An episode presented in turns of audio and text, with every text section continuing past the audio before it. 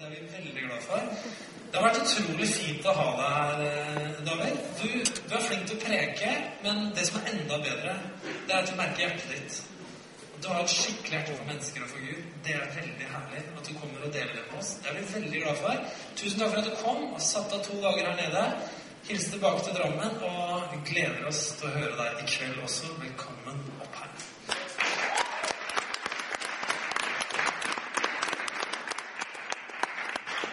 Så bra. Slett ikke verst. For dere som eh, bare kjenner meg litt, så tror dere sikkert at jeg ikke snakker sant nå. Jeg har litt sånn sceneskrekk. Jeg liker egentlig å stå litt sånn her nede, men jeg skal, skal prøve å takle den, eh, den sceneskrekken. Jeg skal ta meg jakka. Det kan fort bli varmt her oppe.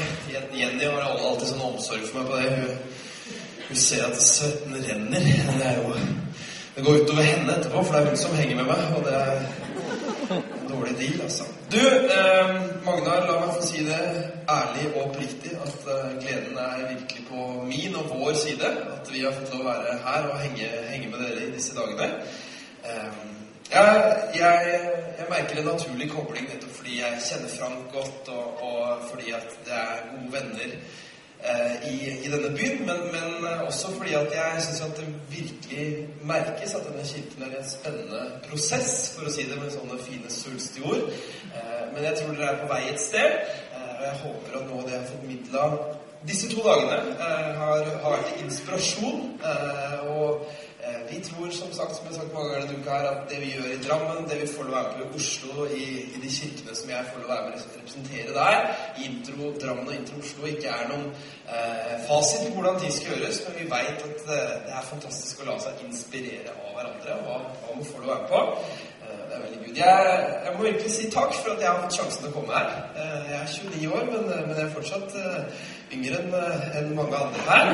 Uten å nevne navnet Frank. Eh, Så, så det, det har vært, vært som sagt vel så, vel så bra for meg som det har vært for dere, tror jeg. Så eh, la meg, la meg si det på den måten. Og jeg eh, sier også det at så, så lenge vi får lov å bo hos Frank neste gang, Frank Adeline også neste gang vi kommer, så, så kan jeg love dere at vi kommer til å være positive til alle mulige forespørsler. Så veit dere det. Veldig bra.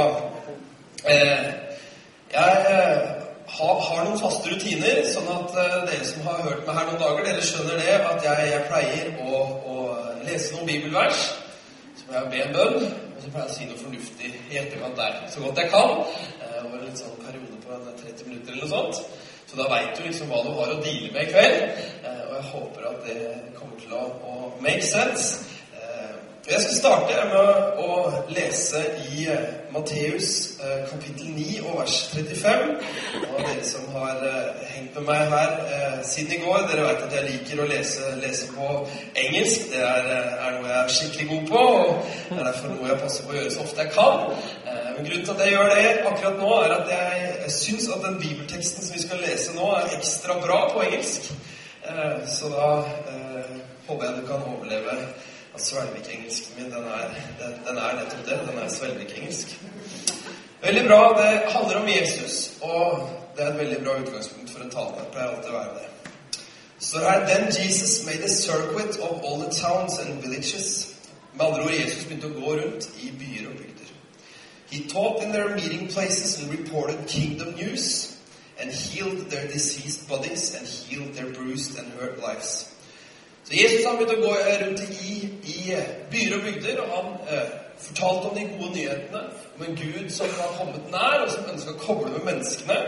Han helbreda både menneskets kropper og deres sjel og, eh, og deres hjerter. Helbreda han. But when he looked out over the crowds, his heart broke. So confused and aimless they were, like sheep with no shepherd. What a huge harvest, he said to his disciples, but how few workers. On your knees and pray for harvest hands. For dere som er like stø i engelsk som meg, så kan jeg si det at det han sier her, at det som vi leser her, det er at Jesus han så utover alle menneskene, og han fikk skikkelig hjerte for dem. Står Hjertet hans rett og slett knuste når han så alle de menneskene som ikke hadde noe mål og mening med livet sitt. Og Han så at det var en så svær gjeng, det var så mye folk, så han ba disiplene sine å be om flere arbeidere. on your knees and pray for harvest hands.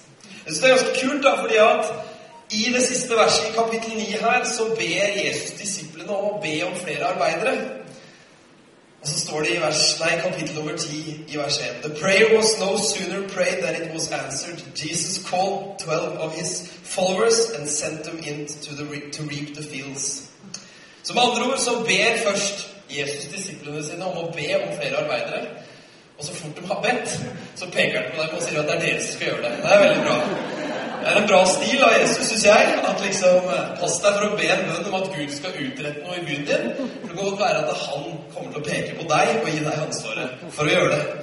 Det står her He gave them power to kick out evil spirits and to tenderly care for the bruised and hurt lives. Spennende. Og så kommer det en liste her over hvilke disipler han sendte ut. Det kan du heller, som er spesielt interessert i navn, få lov å gå hjem og lese. Så kommer det noen spennende vers her. Står i vers 5 i kapittel 10 Jesus sent his 12 harvest hands out with this charge. Det her var beskjeden han ga dem. Don't begin by traveling off to some far-off place to convert unbelievers. And don't try to be dramatic by tackling some public enemy. But go to the lost, confused people right here in the neighborhood, står det. Med andre ord sier Jesus dere trenger ikke dra langt for å finne mennesker med behov. Dere kan faktisk gjøre det så enkelt at dere starter med nabolaget deres. Fantastisk. Go to the lost, confused people right here in the neighborhood. Tell them that the kingdom is here. Fortell dem at Guds rike er her. Bring health to the sick and raise the dead. Come on. Helbred syke og reise opp døde. We're talking serious business. Touch the untouchables and kick out demons. You have been treated generously, so live generously. Så kommer det en fin setning. Don't, don't think you have to put on a fundraising campaign before you start. You don't need a lot of equipment. You are the equipment. Fantastisk. Jesus sier at dine unnskyldninger om at 'nei, men jeg har ikke liksom det som skal til' liksom, Vi må ha en, ha en innsamlingsaksjon her for å få mer penger på banen. Først da kan vi bety en forskjell. Eh, sier Jesus du trenger ikke noe innsamlingskampanje. Du er alt det utstyret du trenger. Wow. Dette er i hvert fall litt sånn Treffer meg litt, altså. You don't need a lot of equipment, but you are the equipment. And all you need to keep going is three meals a day. Travel light, står det. Så lenge du har eh, tre måltider om dagen, så sier Jesus da har du det du trenger for å bety en forskjell. Vi hopper til vers 16, og jeg er straks ferdig med å lese på svelgekengelsk. Vi skal få mye norsk her etter hvert, men heng med meg. Jesus sier allikevel, etter å ha sendt disiplene sine ut med denne befalingen, sier han But stay alert, vær våkne, because this is hazardous work I'm assigning you for. You're, no, you're going to be like sheep running through a wolf pack. So don't call attention to yourself. Be as cunning as a snake and inoffensive as a dove. Han sier at det med å leve for meg, det er ikke alltid det enkleste. Så vær våkne. Vær klar over at ikke alle som kommer til å like dere for det dere holder på med. Men eh, så sier han også litt lenger ned her at ikke vær redd heller for hva du skal si. For Den hellige ånd Gud som er nær oss nå, han kommer til å legge de riktige orda i munnen deres. All right. Takk Gud for denne muligheten nok en gang til å snakke til en gjeng mennesker her i Tønsberg i kveld. Som jeg ba i går, jeg har ingen behov for å komme til en kirke for å dele prekener bare fordi at det er fint. Eh, men jeg vil at det skal bety noe. Eh, og jeg derfor så legger jeg denne kvelden rett og slett i dine hender. Jeg er så glad for at jeg slipper å be om at Bibelen skal ha en bra dag, for den er bra. Men jeg ber om din hjelp til å si noe ut fra Bibelen som blir mer enn fine ord, men som kan snakke til oss og få lov å gjøre at vi blir berørt på en måte som gjør at vi går ut og berører andre. Og til det så må alle si amen. amen. Det betyr 'la det skje', og det håper jeg på. Det er ganske mange fine ting jeg var med den bønnen. Så hvis det hadde skjedd, da hadde det blitt en bra kveld. Det tror jeg det skal bli. Jeg har noen punkter til deg i dag ut fra denne teksten. Og jeg syns det er naturlig å starte med punkt én. Det er ryddig, syns jeg. Wow, så koselig. Stikk på, kjære ungdom. Punkt nummer én er at livet med Jesus er et eventyr. For det Jesus utfordret disiplene sine til å gjøre her, det er ganske spennende greier. Han sier 'gå ut', helbred både folks kropper, men også deres sjeler og deres hjerter. Han sier 'gå ut og helbred, helbred mennesker', og 'reis opp døde gjerne'. Gjør gjerne det. Kick out evil spirits. Come on. Han leker ikke butikk Jesus, han vil at vi skal leve et spennende liv. Jeg syns det er ganske kult med Jesus at han sier det til oss som tror i dag, at vi skal få lov å gjøre det han gjorde. Og så sier til og med Jesus at vi skal gjøre større ting enn det han gjorde. To be honest så har jeg nok med liksom å leve opp til den standarden han satt, kan du si. Så jeg, liksom, jeg prøver på det først, og så kan vi heller ta next level litt sånn etter hvert, kjenner jeg. Um, wow. Så han sier, jeg, jeg vil derfor påstå at livet med Jesus, det han utfordrer oss til, det er et eventyr. Det er ingen liksom kjedelig, boring, liten greie. Han, han går og sier bare gå ut og forandre verden. Gå ut og fortell gode nyheter til de menneskene som har vanskelig liv, som har opplevd vanskelige ting. Gå ut og spre de gode nyhetene, både i ord og i handling, sier han. Jeg syns det er nydelig. Og jeg digger dette med den bibelteksten som jeg akkurat sa i stad også, at, at eh, Jesus liksom Han statuerte et eksempel. Du ser det i teksten her. Først så er det han sjøl som går rundt i byene og bygdene og viser disiplene sine hvordan det her gjøres. Han liksom sier ikke bare, han sender dem ikke bare ut og sier 'lykke til', men han setter et eksempel. Han sjøl går først rundt og legger hendene på enkeltmennesker og ser dem bli helbredet. Det skjer fantastiske ting. Og så ser han at nå så trenger jeg noen flere harvest hands. Jeg trenger noen flere til å hjelpe til, for det er altfor mange mennesker. Og, om det er noe som vi skal kunne si i forhold til det jeg nettopp sa om at vi skal gjøre større ting enn det Jesus gjorde, så må det vi i hvert fall kan gjøre som er større enn Jesus, det er å være på flere steder. Fordi at når Jesus gikk her rundt omkring i kjortel og sandaler, så var han én person, og han var riktignok Gud, men han, han, så at jeg kommer til å trenge flere folk, og vi kommer til å måtte spre oss. Og så lenge jeg er her i kjøtt og blod, så, så, liksom, så trenger vi at det kommer flere hender til her, for det er altfor store behov. Og så liker jeg det. At uh, Først så ber vi om å be om at noen skal gjøre den forskjellen, å være de hendene og de føttene. Og så peker han på dem etterpå, rett etter de har bedt, og så sier han Jeg lurte dere. Dere ba om, ba om at noen skulle utgjøre en forskjell. Newsflash, det er dere som skal gjøre det. I like that. Jesus han uh, jeg husker jeg har gått på BI også, og der lærer man, lærer man også noen fine ting. og Ofte på BI så, så, sitter jeg og tenker at dette her har Bibelen snakka om lenge før han amerikanske leadership management-duden kom på det. Og det er en sånn greie som vi ofte sier, eh, som er en måte å trene opp mennesker på. Og det går litt sånn her Det er fortsatt litt engelsk, så det er bare for å holde deg våken. I do and you watch. Det var det Jesus gjorde. Først gjorde det, og så var det sånn at disiplene så på. Så, så er neste steg I do and you help. Nå gjør jeg det fortsatt, men du får lov å hjelpe til. Disiplene fikk lov å være med å bære kurver og sånn når Jesus gjorde sånne fancy matunder og osv. Så, videre, så liksom, dere skal få lov å være med. Så sier neste liksom steg i en sånn, sånn tankegang at you do and I help.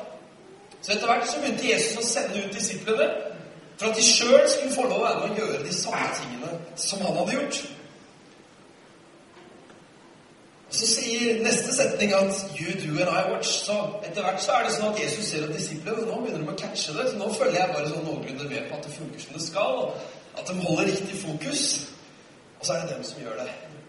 Og så siste punktet er 'you do, I go'. Og det gjorde også Jesus. Nå er det deres tur. Lykke til. Så stakk han. Vi snakker ofte om i kristen sammenheng at vi trenger Gud. Og det er jeg veldig, veldig sårt klar over. At jeg trenger Gud. Hver eneste dag trenger jeg Gud. Oftere enn jeg tror, så trenger jeg Gud. Men det vi ikke snakker så ofte om, det er at Gud trenger deg. Men det er faktisk et poeng. On your knees and pray for harvest hands. Jesus sitt hjerte ble knust for alle de menneskene som trengte hjelp. Men han så at jeg klarer ikke å nå alle disse enkeltmenneskene sjøl. Så jeg trenger flere. Vi skal lese noen vakre vers i samme The Message-oversettelsen. Du får gi meg juling etterpå, men jeg koser meg med disse versene. Og jeg syns at ordlyden er fantastisk. Så hvis du ikke er glad i engelsk, så kan du få lov å gå hjem og studere dem litt til. Men det er noe med ordlyden her som jeg syns er vakker. Så vi leser fra Efeserbrevet kapittel 2 og vers 19. Der står det Paulus skriver That's plain enough, isn't it? You're no longer wandering exiles, but this kingdom of faith is now your home country. You're no longer strangers or outsiders, but you belong here with as much right, to the name Christian as anyone. Because God is building a home, det her. Så det er ingen her som er diskvalifisert, eller som er mindre rett til å kalle seg kristne, for det handler ikke om hva du har fått til, men hva han har fått til.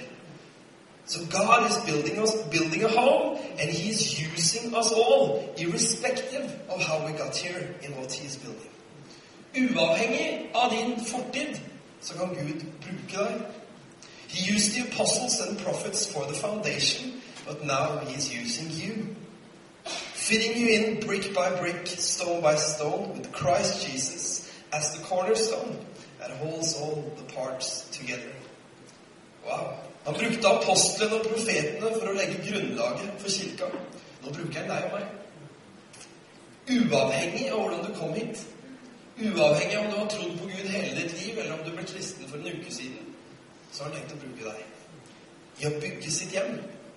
He's, he used apostles and prophets for the foundation, but now he's using you, fitting you in brick by brick, stone by stone, with Christ Jesus as the cornerstone that holds all the parts together. Det er faktisk en ganske viktig greie å tenke på det. Det er ikke bare sånn at du og jeg trenger Gud. Men Gud han har gjort seg avhengig av oss. Mange ganger kan vi jo tenke at det var litt av et prosjekt å satse på oss. Jeg mener, Vi kjenner oss selv best, og jeg kjenner meg sjøl inkludert best. Jeg veit om mine svake sider, og jeg vet om mine gode sider. Derfor så pleier jeg ofte å si at det at jeg tror på Gud, syns jeg i utgangspunktet ikke er noe veldig stort mirakel. Det er egentlig bare å se ut stuevinduet og se på naturen, så, så, er det lett for meg å tro på Gud. Men at Gud tror på meg, det syns jeg er ganske stort. Når jeg vet det jeg vet om meg sjøl, så syns jeg ganske svært at Gud vil bruke meg. Hva var vi? Me and my wife, we argue all the time. Nei da. Jeg og kona mi vi krangler. Vi har våre svake sider, vi har våre gode sider. Vi har en reise. Noen dager er fantastiske, andre dager er utfordrende. But God is building a home. He's using us all, irrespective of how i He's building. Vet du hva? Gud trenger deg. Uavhengig av din reise, uavhengig av dine unnskyldninger, så har han en plan for deg. Han ønsker at du skal være som, en, en av de som er med og representerer ham, og gjør Gud tilgjengelig for stadig nye mennesker. De første åra med kirken vår, intro i Drammen og intro Oslo, har egentlig vært ganske fantastiske. Jeg fortalte litt om en historie fra miljøet vårt i går. og det har vært mange mennesker som har kobla med Gud, og flere hundre mennesker som har funnet seg en kirke. Eh, og, og, som jeg sa i går, det viktigste er ikke massen, men det viktigste for meg er ærlige og oppriktige enkeltmenneskene som, før, som før de kom til kirka vår, ikke kjente Gud. Jeg har fortalt noen gode historier om det i går. og det, det har jeg ikke tid til på samme måte i dag. Men eh, jeg fortalte også at vi fylte Drammens teater, hovedscenen, med 400 mennesker på en søndag. Den samme uka som Drammens Tidende skrev at Drammen skulle bli en religionsnøytral by, så fylte vi teateret med 400 mennesker. Stappa hovedscenen på teateret i Drammen med masse mennesker som var der for å gi Gud ære. Og da var plutselig ikke religion så ute av bildet likevel. Selv om vi påstår at vi ikke driver med religion, vi driver med relasjon til Gud osv. Men så slår det meg veldig ofte at eh, det å fylle bygninger, det er, det er jo litt spennende. Og det er en kul greie for å vise at kirka ikke er død, men at den er fullstendig oppegående. At den, den fins sentrum, i sentrum av samfunnet. og liksom Den greia der. Men så slår det meg, og det slo oss særlig i den perioden som vi opplevde det, at fantastisk å fylle denne bygningen, men det er ikke først og fremst det vi har bedt om. Vi har først og fremst bedt om å være Jesus-representanter der hvor vi er i hverdagen. He sent them out. And he said, You don't have to go far. Go the lost and confused people right here in your neighborhood. Vi har mange gode naboer, vi har mange gode mennesker i vårt nabolag. Og Allikevel så er det litt sånn at det fins et par i nabolaget vårt som alle veit at har det vanskelig. Det var det så vanskelig at det er vanskelig å ikke se det. I starten når vi flytta til det nabolaget, så tenkte vi at det, det der det veit vi ikke hvor mye kontakt vi kommer til å ha. Let's be honest. Vi fikk høre historier av de andre naboene lenge før vi ble kjent med dem. Og i starten så var det ikke nødvendigvis de mest vennlige menneskene heller mot oss. Og Så gjør man sine tanker, og så snakker man litt i gangene, og så man, er man litt sånn La oss bare liksom snakke litt ærlig her. Så tenker vi en dag vi ber sammen Jenny og jeg, at, at hva vi, da vi inviterer dem inn på en kopp kaffe? da? Høre hvem de er, liksom. Så kommer de en kveld her, og så serverer vi en brownie som, som Jenny syns var litt for tørr, og så leverer vi en kaffekopp. Disse jentene er feinschmeckere. Jeg har aldri sett noen sette så pris på en kake før. Jeg har aldri sett noen sette så pris på det. Så får du høre historien til disse folka. Den ene som har mista begge foreldrene sine i ung alder. Som var på en god vei i livet helt til det skjedde, og så skar det helt ut. Så vi høre historien, og så sier han vet du hva, jeg sliter litt med sosial angst. Jeg synes det, var, det er derfor vi ikke er så liksom, flinke med folk her i nabolaget. Så. så får man høre litt storyen som fins bak, og så, så skjønner man at man trenger ikke gå så veldig langt. Og så er det den som er veldig obvious å se på, men som prater med andre mennesker som har fine lønner og fine skjorter og fine biler og fine hus. Altså, åpner du livet ditt sammen med dem, så plutselig så viser det seg at wow, fins det noe behov her også? God is building a home. He's using us all, irrespective of how we got here, in what he's building.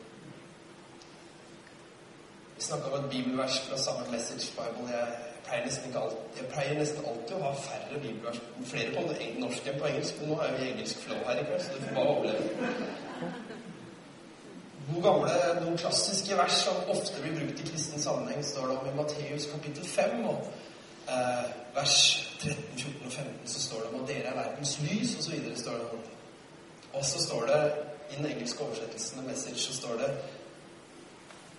eh, Keep open house. Be generous with your lives. By opening up to others, you'll prompt people to open up with God. Vær, vær sjenerøs med livet ditt. Åpne opp stuedøra di. Inviter noen inn på kaffe. Ved å være åpen og god mot mennesker kommer du til å hjelpe dem til å åpne seg opp for Gud i himmelen. You don't have to travel far.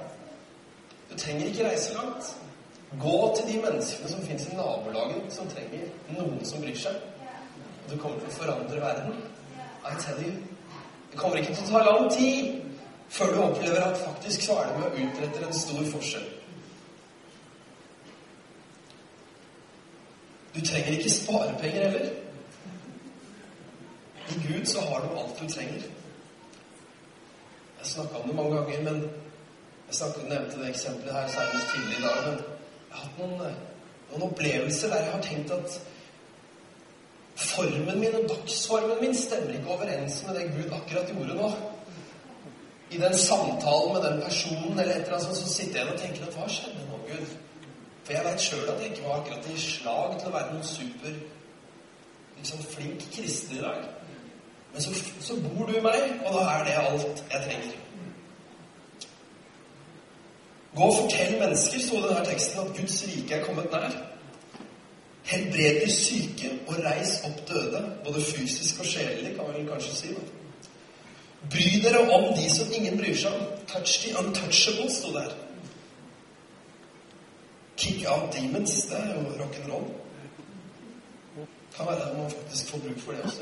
Kanskje ikke i hverdagskost, men det står her i Bibelen, så vi får kanskje nevne det. da. Og lev sjenerøst, for dere har blitt behandla sjenerøst av en overnaturlig Gud. Punkt nummer to Lev nært nok på folk til å se behovene. Når Jesus gikk omkring i byene og bygdene, vet du hva det gjorde? Det at han var i byene og bygdene, det gjorde at han kom nært nok på mennesker til å se de utfordringene som fantes. Jeg mener, som, som er, For å være ærlig, som, som, som kristen leder og som er opptatt med å bygge kirke og og ha massevis av sånne her viktige møter med ledersamlinger og diverse ting for å få ting til å rulle. Og ja, det er kjempeviktig, og det er ganske avgjørende for å få ting til å funke og gå rundt. Men jeg merker ofte, hvis det er lenge siden jeg har vært nær på folk som virkelig trenger en kirke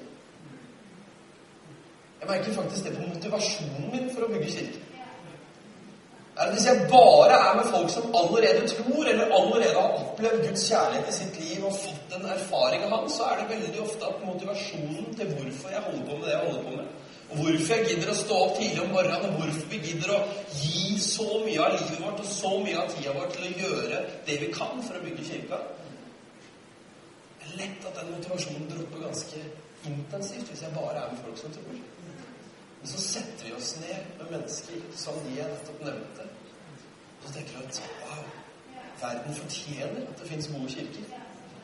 Verden fortjener at vi gir det beste vi kan for å bygge kirker der det er lett for mennesker å komme og få møte en kjærlighetsfull og nådefull Gud. Et band som heter Hillsong United, et relativt kjent kristent band som har reist verden rundt og holdt konserter, De fikk plutselig lyst til å lage en film om alt de så mellom konsertene sine når de var ute på verdensturné. Fordi at når de reiste til land fra land til land, så oppdaga disse ganske godt vante australske ungdommene at something is wrong with this world. I noen få land i verden har vi det bra, men i veldig mange land i verden så har vi det slett ikke bra. Når jeg så den filmen og så på alle utfordringene som finnes i verden Prostitusjon av små, unge jenter som ikke har rukket å bli tenåringer ennå. Fattigdom som gjør at massevis av mennesker på kloden vår ikke har mat. Vet du hva jeg tenkte da? Da tenkte jeg akkurat det samme. Vi, vi skylder denne verden å bygge solide, kraftfulle kirker som både formidler evangeliet, men også helbreder brutte hjerter, sjeler som har det tøft. Så når vi bygger kirke, så er det liksom ikke for at vi liksom Når motivasjonen går nedover, så er det faktisk veldig ofte sånn at det er lenge siden du har vært nært på de behovene. Det er lenge siden du har smakt på hva det vil si å ikke kjenne den guden som du kanskje har kjent hele livet ditt. Lev nært nok på folk til å oppdage behovene som fins. Vi snakka om det litt før i dag, at det er ikke det enkleste alltid å være kristen.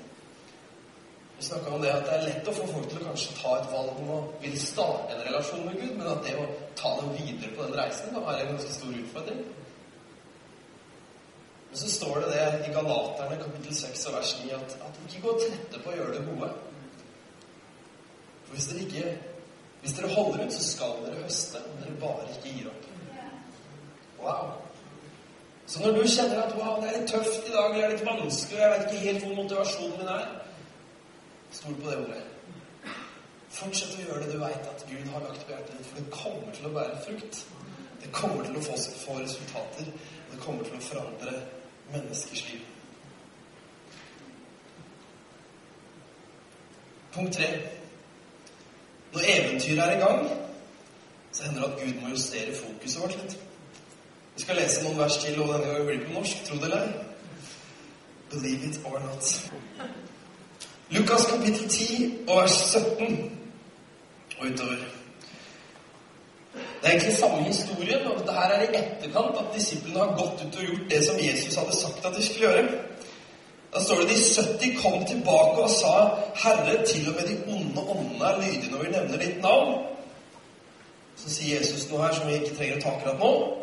Og så kommer det i nederste verset i 20, vers 20 i kapittel 10, så står det Gled dere ikke over at åndene lyder dere, men gled dere over at navnet deres er blitt innskrevet i himmelen. I livets bok står det en annen oversettelse.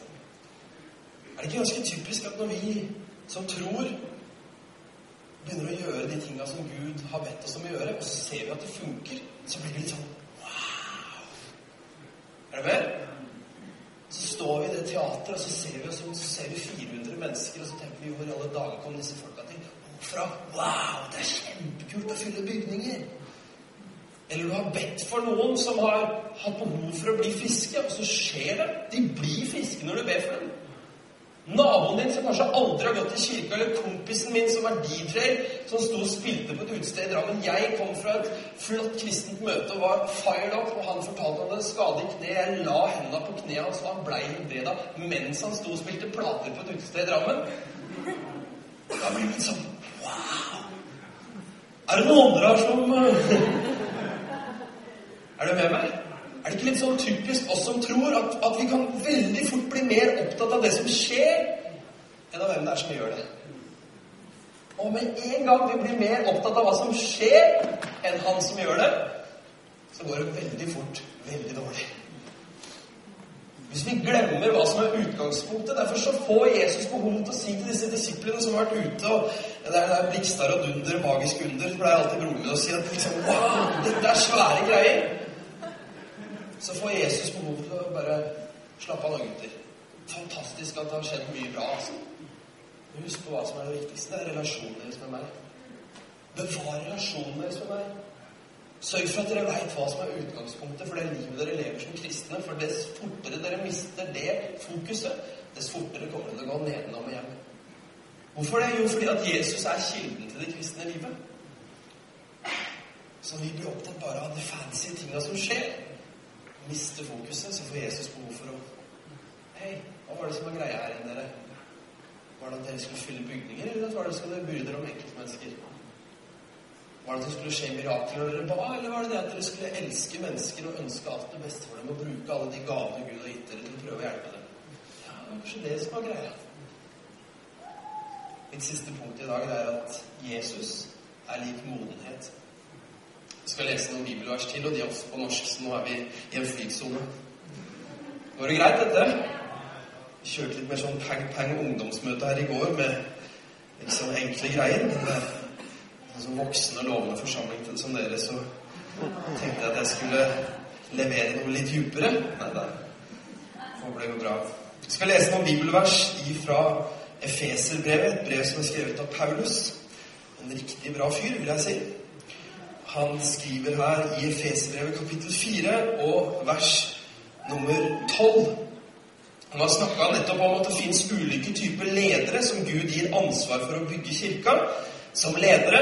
Og han sier at alle disse har et ansvar for å utruste de troende, slik at de i sin tur kan tjene Kristus og bygge opp kroppen hans, som er menigheten.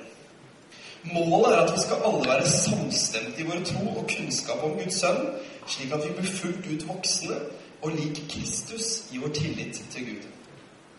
Hva sier disse versene? Jo, alle vi som snakker i kirker, har grunnleggende ett mål, og det er å hjelpe deg til å bli like trygg på Gud som det Jesus var når han gikk rundt på jorda.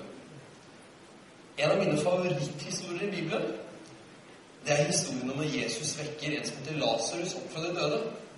Han har ligget død i en grav jeg tror det er tre eller fire dager, og så kommer Jesus til stedet. Så ber Jesus en bønn som jeg må påstå er den kuleste bønnen som noen gang er bedt. Han ber følgende bønn. Far, jeg vet at du hører meg. Det er det han ber til Gud. Jeg vet at du hører meg. Jeg vet at du kommer til å svare. Jeg kjenner jo deg, far, sier han til Gud. Men av hensyn til de andre som står her, at dem skal forstå at det er du som gjør det, ikke meg, så kan jeg godt be en bønn. Så ber du en bønn, og så sier Lasarus 'kom ut', og så kommer han fyren ut som har ligget liksom omsvøpt, død i fire dager. Du kan tenke deg at det ble ganske bra levende. Målet til oss som kristne ledere er å hjelpe deg og meg, og også oss sjøl. Bra det, bra det, bra det fins flere ledere, så vi kan bli litt modne, vi som skal si noe. Til å få den samme tilliten til Gud som Jesus hadde. Far, du ser naboen her som sitter ved siden av meg. Han har det vanskelig i ekteskapet. Jeg veit at du hører meg nå. Da hensyn til naboen min, så jeg bare ber så han forstår at når Gud hjelper ham og gir styrke når han skal reise hjem og ta den samtalen med kona, så skal han vite at det var Gud som gjorde det, ikke meg. Far, jeg veit at du hører meg. Han vennen min som jeg har bedt for så lenge,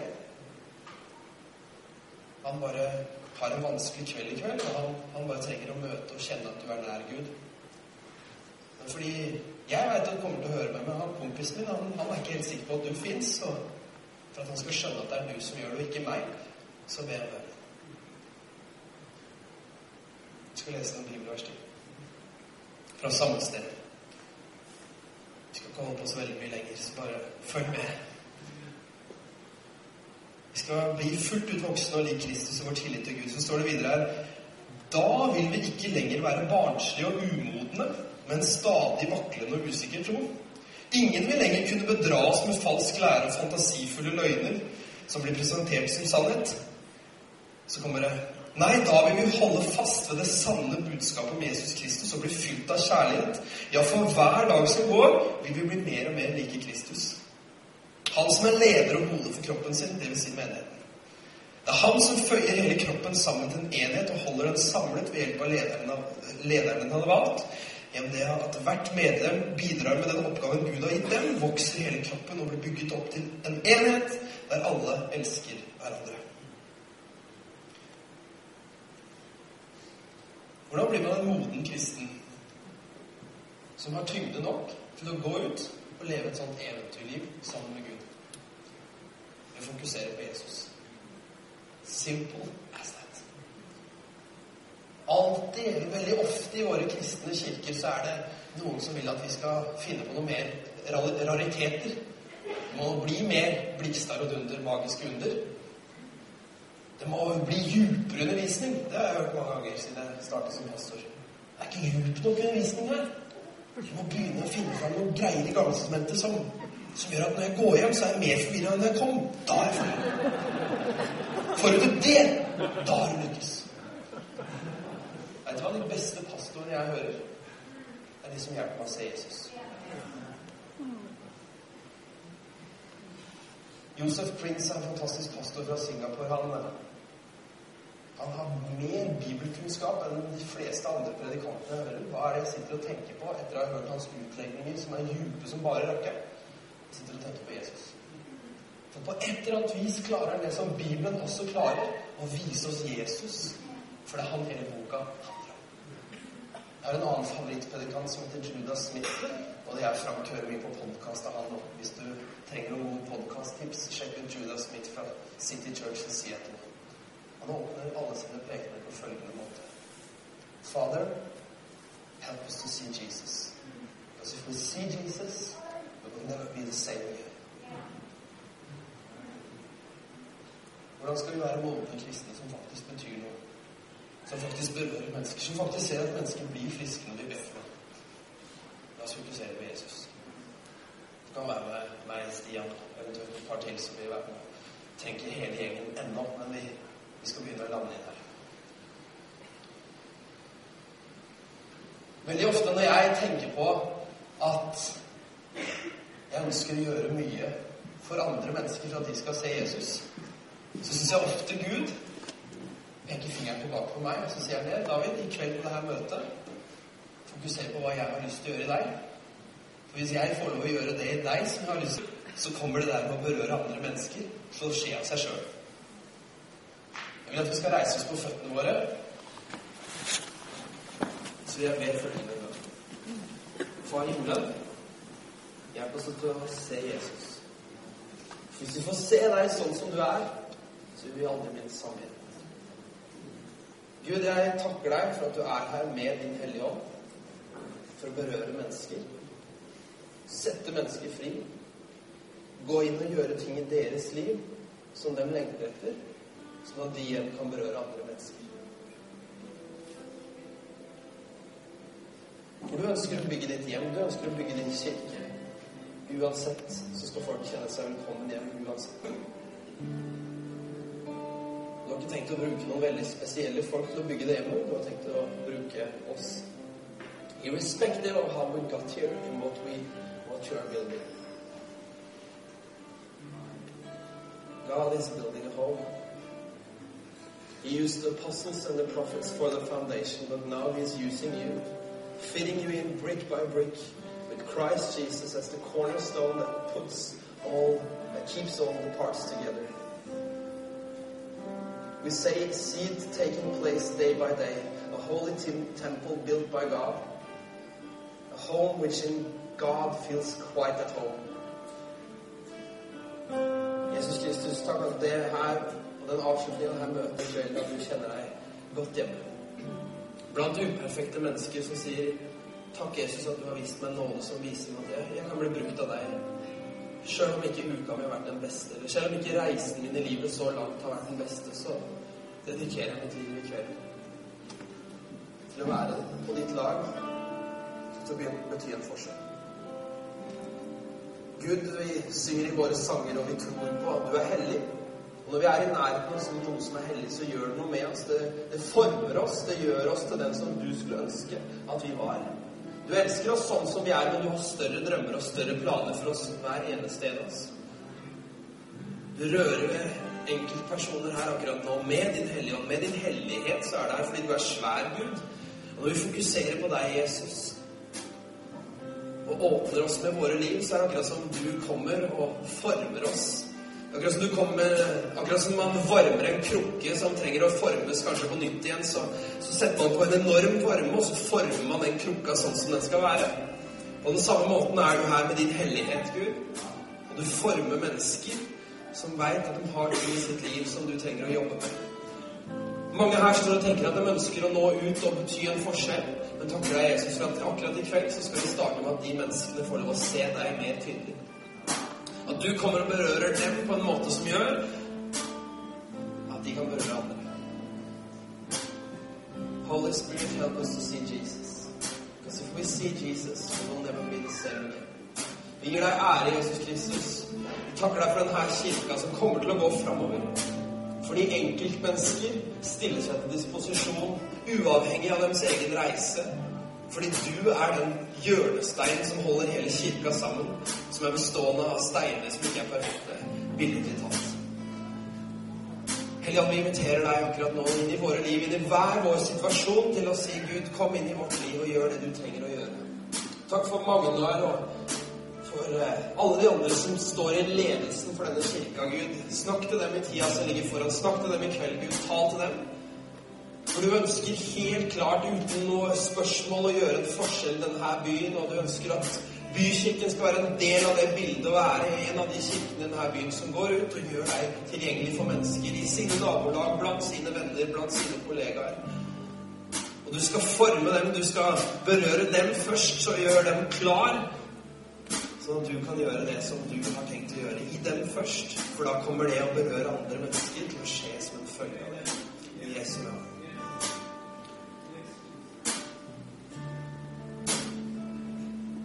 Syng litt sammen. Så bruker vi litt tid sammen med Gud. Fokuser på Han, så ser vi litt hvordan det reiser. Ta det.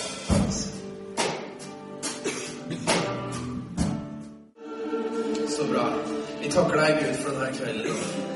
Jeg har egentlig lyst til å faktisk be en bønn for Magnar og for de som står i ledelsen for denne kirka. Jeg tror at denne kirka er i ferd med å bli shapa i både nå og i tida som ligger framover, for å virkelig bli et sånt redskap som du er keen på å bruke for å hjelpe mennesker til å kunne se hvem du er. Faktisk rett og slett gi mennesker nye, nye oppfattelser av hvem du er, som kanskje ikke har hatt en forståelse som har vært riktig på noen som helst måte av hvem du er.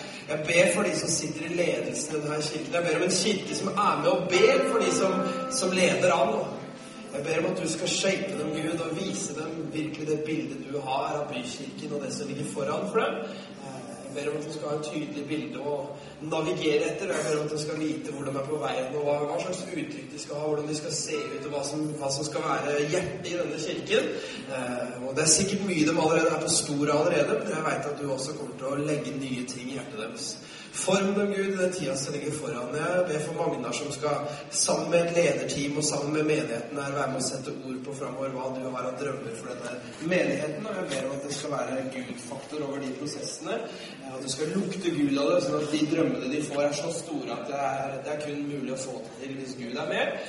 Det skal, det skal, skje ting i en tråd av at du faktisk gir dem helt sånne tydelige ideer som vi tror det er Gud-faktor over hjertet, som gjør at de kan bety en forskjell, som gjør at de kan leve i det bildet du har for dem, Gud i himmelen. Takk for, for de pastorene som fins her, for lederne som fins her, og for denne menigheten. At de sammen eh, skal få lov å bidra med de gavene som du har gitt, som det står her i det bibelverset. Og sammen så skal de gjøre at kroppen, eller kirka, skal bli moden og solid og bli det samfunnet som den er ment å være.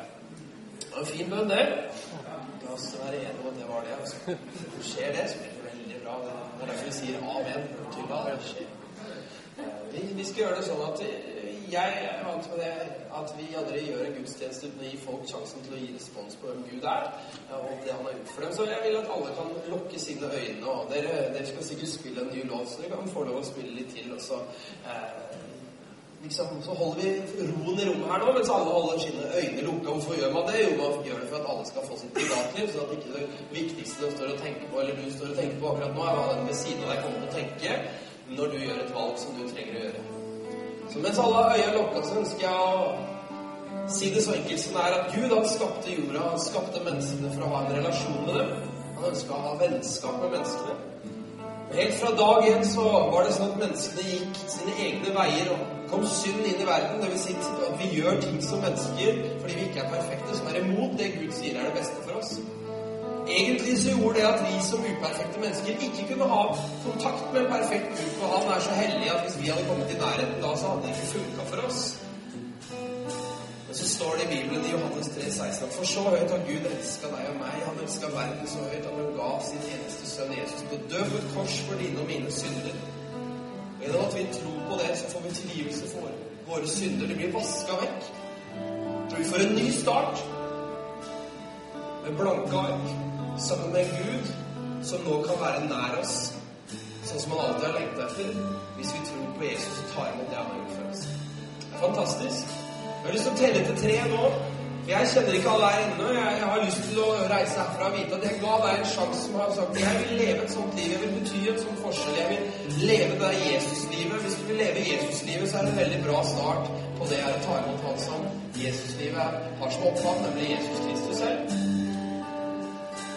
Faktisk så er det sånn at ikke før man tar imot Jesus og får tilgivelse for sine synder og får oppretta kontakten med en overnaturlig Gud, så kan man få helt fred. Det er viktig å få fred med Gud, for det er starten på livet sammen med Gud.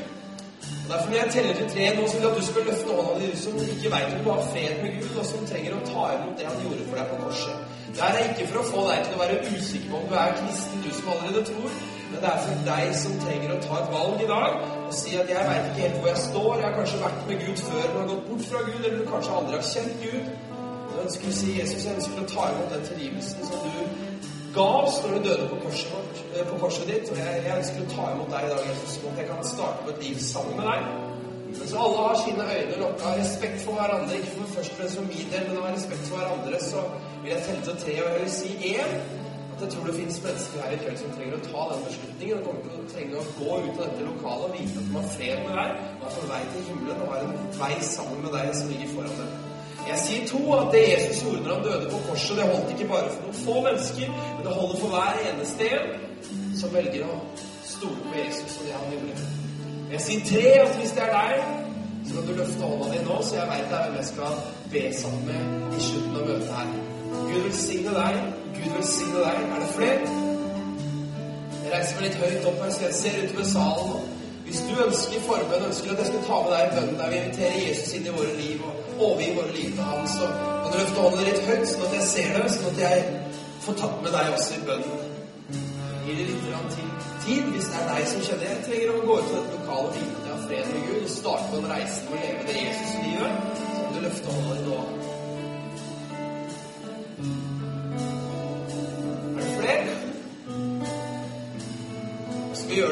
Som det. Du kan få lov å ta ned hånda di. Sett hvem det er jeg ber sammen med, men jeg vil at vi sammen som kirkefamilie skal be en bønn sammen.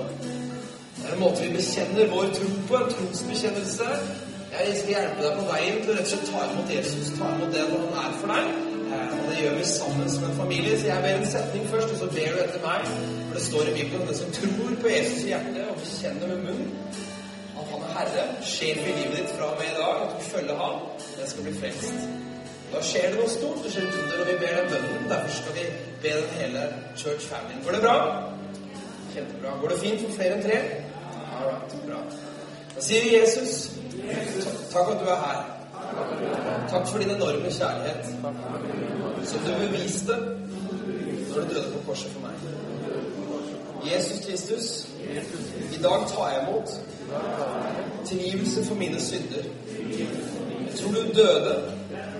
Jeg tror også du sto opp. Jeg tror du lever i dag. Og Jesus Kristus, fra i dag av vil jeg tro på deg. Jeg vil følge deg. Jeg vil leve for deg. Jeg vil at mennesker skal se Jeg vil at mennesker skal se gjennom mitt liv hvem du er. Gi en applaus til de som ba den bønnen for første gang?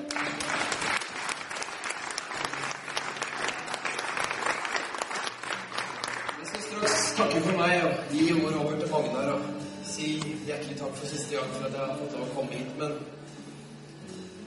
det er noe med at vi ofte diskvalifiserer oss sjøl. Har så mange unnskyldninger for hvorfor vi ikke kan bli brukt av Gud. Grunnen til at jeg kan si det, det er at jeg veit at sånn er jeg det ofte sjøl. Tenker at hvis man skal bety noe for Gud, da må man vel reise til et annet land. Hvis man skal bety noe for Gud, da må man vel ha masse penger. Hvis man skal bety noe for Gud, så må man vel ha liksom en doktorgrad i et eller annet teologisk studium, og så kanskje du kan få lov å være så heldig å bli brukt av Gud. Det er derfor jeg elsker disse versene. He's using us all, irrespective of how we got here in what he's building. Jeg har lyst til å be en enkel bønn for deg som står her, og at du den tida som ligger foran, skal få lov å merke at Gud han bruker deg, uavhengig av din reise. Kanskje mer avhengig av din reise enn uavhengig av noen ganger. For noen ganger så er det nettopp en person som deg, med den historien, med de utfordringene og den reisen du har hatt, som er akkurat det den naboen din trengte å høre. Ikke en kristen som later som at alt var på stell, men en kristen som kanskje har gått gjennom litt ulike ting. Det er det som tenker at wow, hvis han kan tro, da kan jo jeg også tro. Er du med meg? Så jeg takker deg, Gud, for alle i denne kirken. You're using us all irrespective of how we got here. in what you're doing.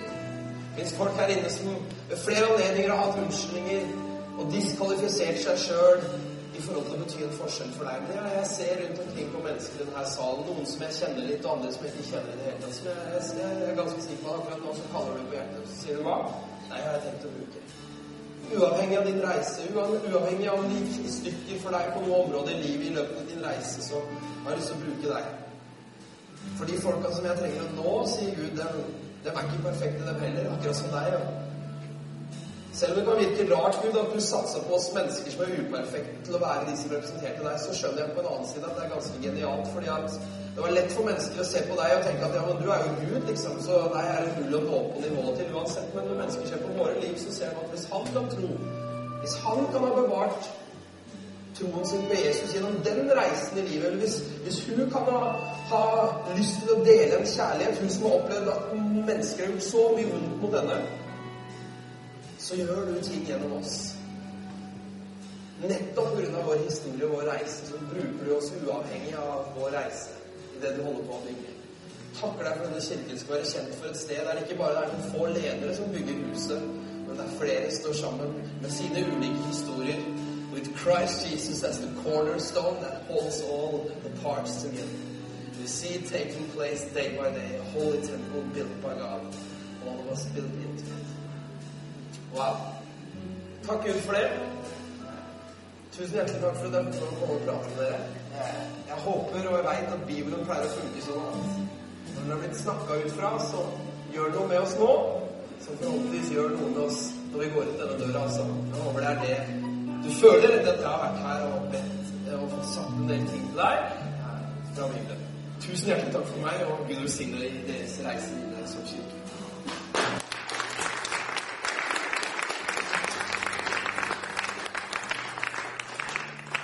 Tusen takk. Det, er, eh, det har vært utrolig herlig. Det er, utrolig herlig bare å være sammen. altså. Litt mye. Være en helg sammen. Det er virkelig godt. Vi har så mye å være takknemlige for.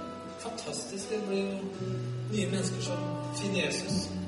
For det som ikke var i går, det var 13 eller 14 stykker i går som ga respons på det. De ville ta imot Jesus. Det er ikke hverdagspost på meg, i hvert fall. Det er faktisk ikke hverdagspost i Norge. Uten noen sånne det er samla 5000 og for å skvise ut 14 stykker liksom på slutt. Det er herlig, altså. Men det er utrolig takknemlig for. Det er å, det er å være sammen med dere som er eh, i den kirken her. Jeg, og mange av oss Jeg har en drøm. Så er det noen som er flinkere til å fortelle drømmen til den andre. Jeg syns ikke jeg er så flink til det. Jeg syns, jeg syns, jeg syns det er fantastisk å være med da, på det som Gud gjør. Jeg syns det er fantastisk å være med og bli kjent med så mange mennesker. Vi hadde en medarbeiderparty i